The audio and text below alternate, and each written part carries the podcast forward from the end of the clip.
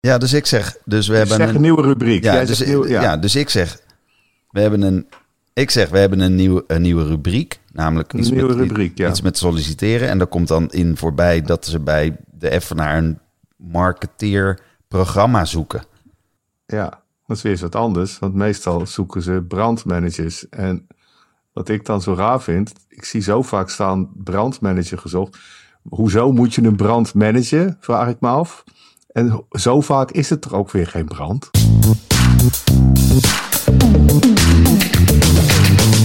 Welkom bij Stoppraatjes, de podcast over de live muziekindustrie. Met John van Luijn en Gideon Karting. Ja, goedemiddag, goedemorgen, goedenavond. We zijn er weer met een nieuwe aflevering van Stokpraatjes. John, we gaan het niet over voetbal hebben, maar toch een beetje, want voetbal was wel echt continu in het nieuws de afgelopen weken, vind je niet? Te veel, ja, te veel. En jij je had wat, eh, want het ging over, eh, ik, eh, ja, Nou ja, wat, wat het is, waarom je er nu eventjes aan kan refereren, is dat een, een trend, of een trend, een, een verschijnsel wat wij in de live muziek heel goed kennen, namelijk de bierdouche, ja. dat dat om onverklaarbare wijze in het hele internationale voetbal zijn beslag krijgt. Dus op ieder stadion is het momenteel eh, leuk om echt liters bier eh, het veld op te gooien. Het liefst over spelers heen natuurlijk. En wij kennen dat Eh, natuurlijk vanuit bijvoorbeeld de Noorderslag, waarbij de winnaar van de popprijs een hele bierdouche over zich heen kreeg vroeger in de goede oude tijd. Maar we Ja. kennen natuurlijk ook van, van Normaal. Normaal is er wat mij betreft mee begonnen. En eh, het kan ook heel subtiel, hè? dat biertje wat naar John Coffee werd gegooid. Ja, op Pinkpop, Die op, ja, op, ja. op Pinkpop, wat hij opvangt. Dat is natuurlijk heel stilistisch mooi, eh, bier gooien. En inderdaad, bij normaal, daar hoorde ik ook voor het eerst de term smijtbier. Oké, Dat iemand zegt, eh, mag ik vijf bier en twee smijtbier? ja. Toen dacht ik, hè, wat, wat bestelt die gast? Ja. Daarna had ik, ik, ik had een keer op een pukkelpop, was ik, daar heb ik de hele, hele dag echt behoorlijk lopen tanken en bier- veel bier gedronken. En ik, ik weet dat ik gewoon terug eh, gereden heb in de auto, omdat ik gewoon helemaal niks merkte. En we er dus achter kwamen dat daar gewoon helemaal geen alcohol in het bier zat. ja, dat is het evenementenbier. Dat is volgens mij de derde categorie. Dus je hebt gewoon bier, je hebt smijtbier en je hebt evenementenbier. Maar dat evenementenbier, daar heb ik wel wat, eh, wat onderzoek naar gedaan. En Ja. eh, dat schijnt toch een broodje aapverhaal te zijn. Wat schijnbaar in de wereld is gekomen omdat er in voetbalstadions bij een alcoholverbod, het begin daarvan, er toch no- niet is aangegeven dat er eh, alcoholvrij bier werd geschonken. Klopt, dat kan ik me nog herinneren. Want dat is een- inderdaad gebeurd. Ja, en, en dat is volgens mij zo'n beetje een zijn eigen leven gaan leiden. En de organisatoren zullen dat natuurlijk ook eh, altijd zeggen. Maar ook de bierleveranciers die, eh, die, eh, ja, die hebben bevestigd dat zij natuurlijk niet hun bier gaan aanlengen waardoor het niet meer eh, goed smaakt. Nee, wie gaat, Dus, dat eh, ga je natuurlijk niet zeggen. Maar nee. kijk, ik weet ook bijvoorbeeld bij Dance Valley in het beginjaren is er wel eens een hele warme, hete editie geweest. Dat ze gewoon kraanwater in de spa blauw bla- eh, flesjes hebben lopen verkopen. Dan deden ze die top er zogenaamd af, weet je wel. Dan kreeg je hem open. Ja, ja, ja, ja, daar werd ook natuurlijk eh, altijd gezegd van nee, nee, dat is echt bronwater. Maar ja, het smaakt natuurlijk allemaal precies hetzelfde. Hey, en smijtbier? Maar smijtbier kan ik me wel voorstellen. Bestaat dat echt?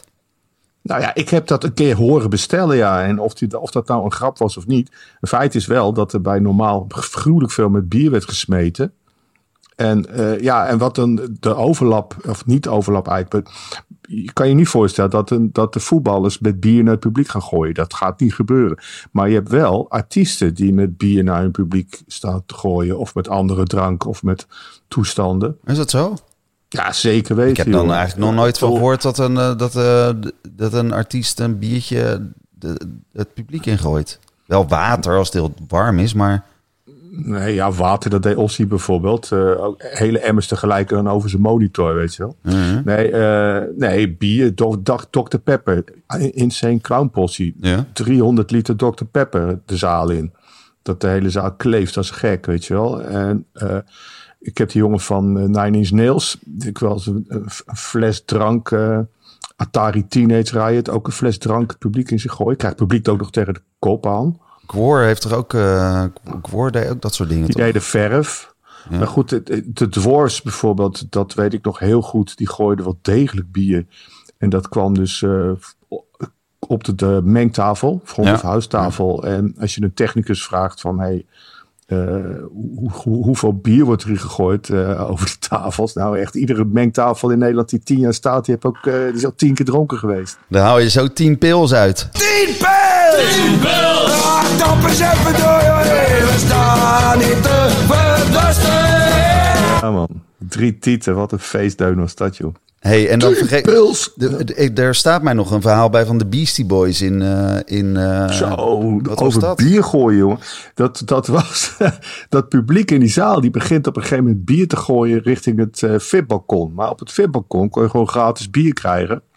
Dus dat VIP-balkon begint bier terug te gooien. Ja, dat wordt natuurlijk. die tap gaat gewoon open. En ja, dat was een zooi. Maar dat, ja, dat won het VIP-balkon natuurlijk. Maar dat ging ook echt nou, weet ik veel, tientallen liters bier ging gewoon uh, van links naar beneden. naar rechts. naar het balkon, ja, ja, ja.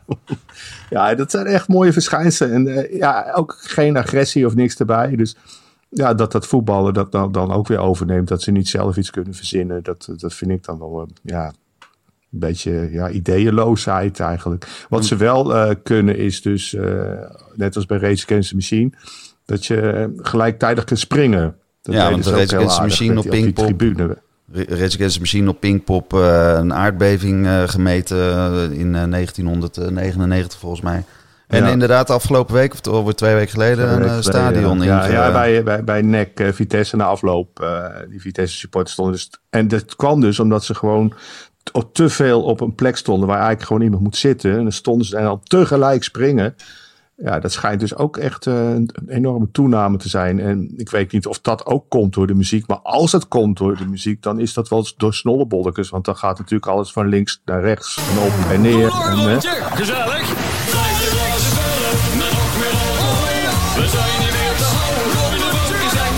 Ja, levensgevaarlijk blijkt dus nu.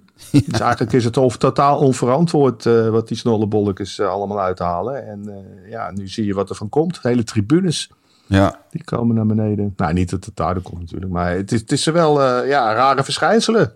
Rare verschijnselen. Ja, we hebben het natuurlijk in de Kuip heb je natuurlijk wel een beetje dat probleem. Dat als, het, als de tweede ring een beetje gaat trillen door het publiek, dat de muziek gewoon uitgaat. Dan wordt gewoon ja. de stekker eruit getrokken. Ja. Ja, dat is toch wel een van de redenen waarom er ineens een hele lange tijd geen acts meer in de Kuip stonden. Wat op zich raar is, want Ramstein die, was de eerste die weer wel wat deed. Maar nou ja, dat bedoel ik. ik. Ik heb niet de neiging dat heel erg te geloven dat dat nou de reden was waarom artiesten niet meer in de Kuip gingen optreden. Volgens mij heeft dat uh, met andere zaken te maken. Maar uh, juist, hebben we nog iets anders ook? Ja, we hebben, een, springen. we hebben een nieuwe rubriek.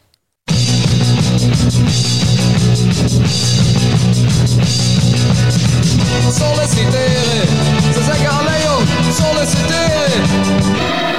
Ik, ik heb uh, denk ik wat voor jou gevonden ze zoeken namelijk bij, uh, ze zoeken bij het balletorkest nog een plaatsvervangend aanvoerder contrabas.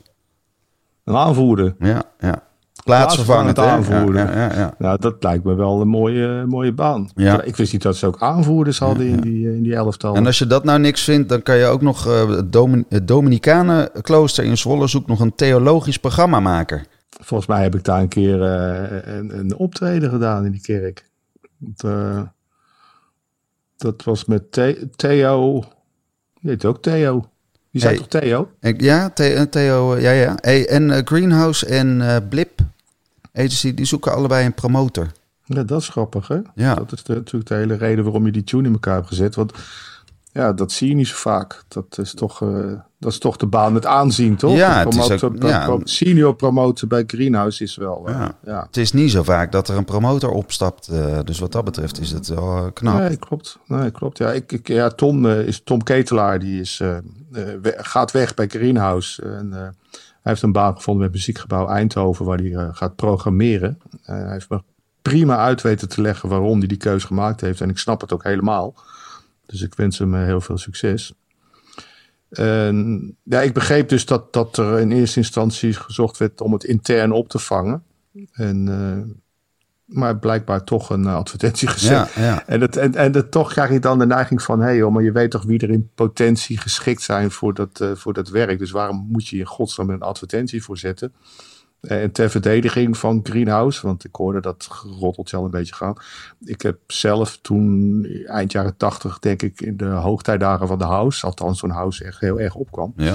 wilde ik een dansavond toen eh, zonder house, omdat iedereen al house deed. Leek mij logisch. Was ook heel erg, eh, ja, dat werkt ook echt goed uiteindelijk. Ja. Maar toen zette ik gewoon advertentie in de Volkskrant eh, dat ik DJ's zocht. En toen werd ik echt ook voor gek verklaard dat ik eh, in mijn functie dus niet eens een netwerk had waar ik DJ's uit kon putten. En ja, en ik had zoiets van, ja, maar, iedereen die ik aan, aanspreek, die draait house. Ik wil geen house. En toen kwam ik eh Gijs met Kamer, zo heb ik hem leren kennen. En die, eh, ging later dan bij de Volkskrant werken. En toen leerde iedereen hem een beetje kennen. Maar die meldde zich als DJ en die bleek dat gewoon echt fucking goed te kunnen. En eh, ja, daar heb ik echt jarenlang plezier van gehad. En ik had nog een paar jongens die eruit kwamen, maar Gijs met eh, in ieder geval ook. Dus het, het zetten van een advertentie is op zich helemaal niet zo'n gek idee dus. Nee, je weet nooit wie zich meldt. Hè. Er zijn mensen die kunnen jarenlang een festivaletje in weet ik veel waar hebben georganiseerd. En nooit en altijd onder de radar hebben geopereerd. En die kunnen prima een internationaal netwerk hebben opgebouwd. Waarom niet? Ik heb, een, ik heb wel ineens een heel goed idee. Zo, Ik ga ook een advertentie plaatsen. want? Luisteraars voor stokpraatjes gezocht.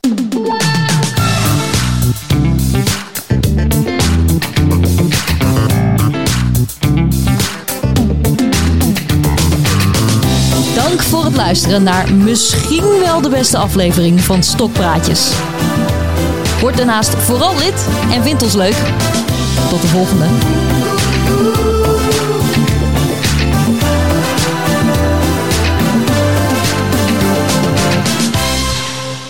Gideon, Ja. ik zag die eh, zwangere Guy, die heeft de show aangekondigd in Paradiso. En je, ah, je raadt het gewoon niet. Weet je hoe dat voorprogramma heet? Nee? Dikke. Dikke zwangere Guy. Ja, Je hebt toch ooit die, eh, je hebt toch ooit die Bloem wel eens geboekt? Die, dat, dat Ja, dat meisje, dat wel- singer-songwriter meisje. Ja, Bloem, die eh, dat was ook echt een klassiek verhaal. Ik, ik, ik kom in de avondwinkel kom ik de tante van Bloem tegen. Althans, die tante begint in die avondwinkel tegen wie het maar horen wil te zeggen dat haar nichtje eh, ja, een artieste is en eh, dat ze Bloem heet. En ik zeg van, eh, oh, dat is ook toevallig. Ik, eh, ik werk in de Melkweg en ze komt eh, bij ons optreden. En wat nog leuker is, eh, daarna komt er nog een optreden. En dat was toen zo'n Amerikaanse hip-hop DJ, die een hit had met Let Me Clear My Throat. Ja. Die heette DJ Cole.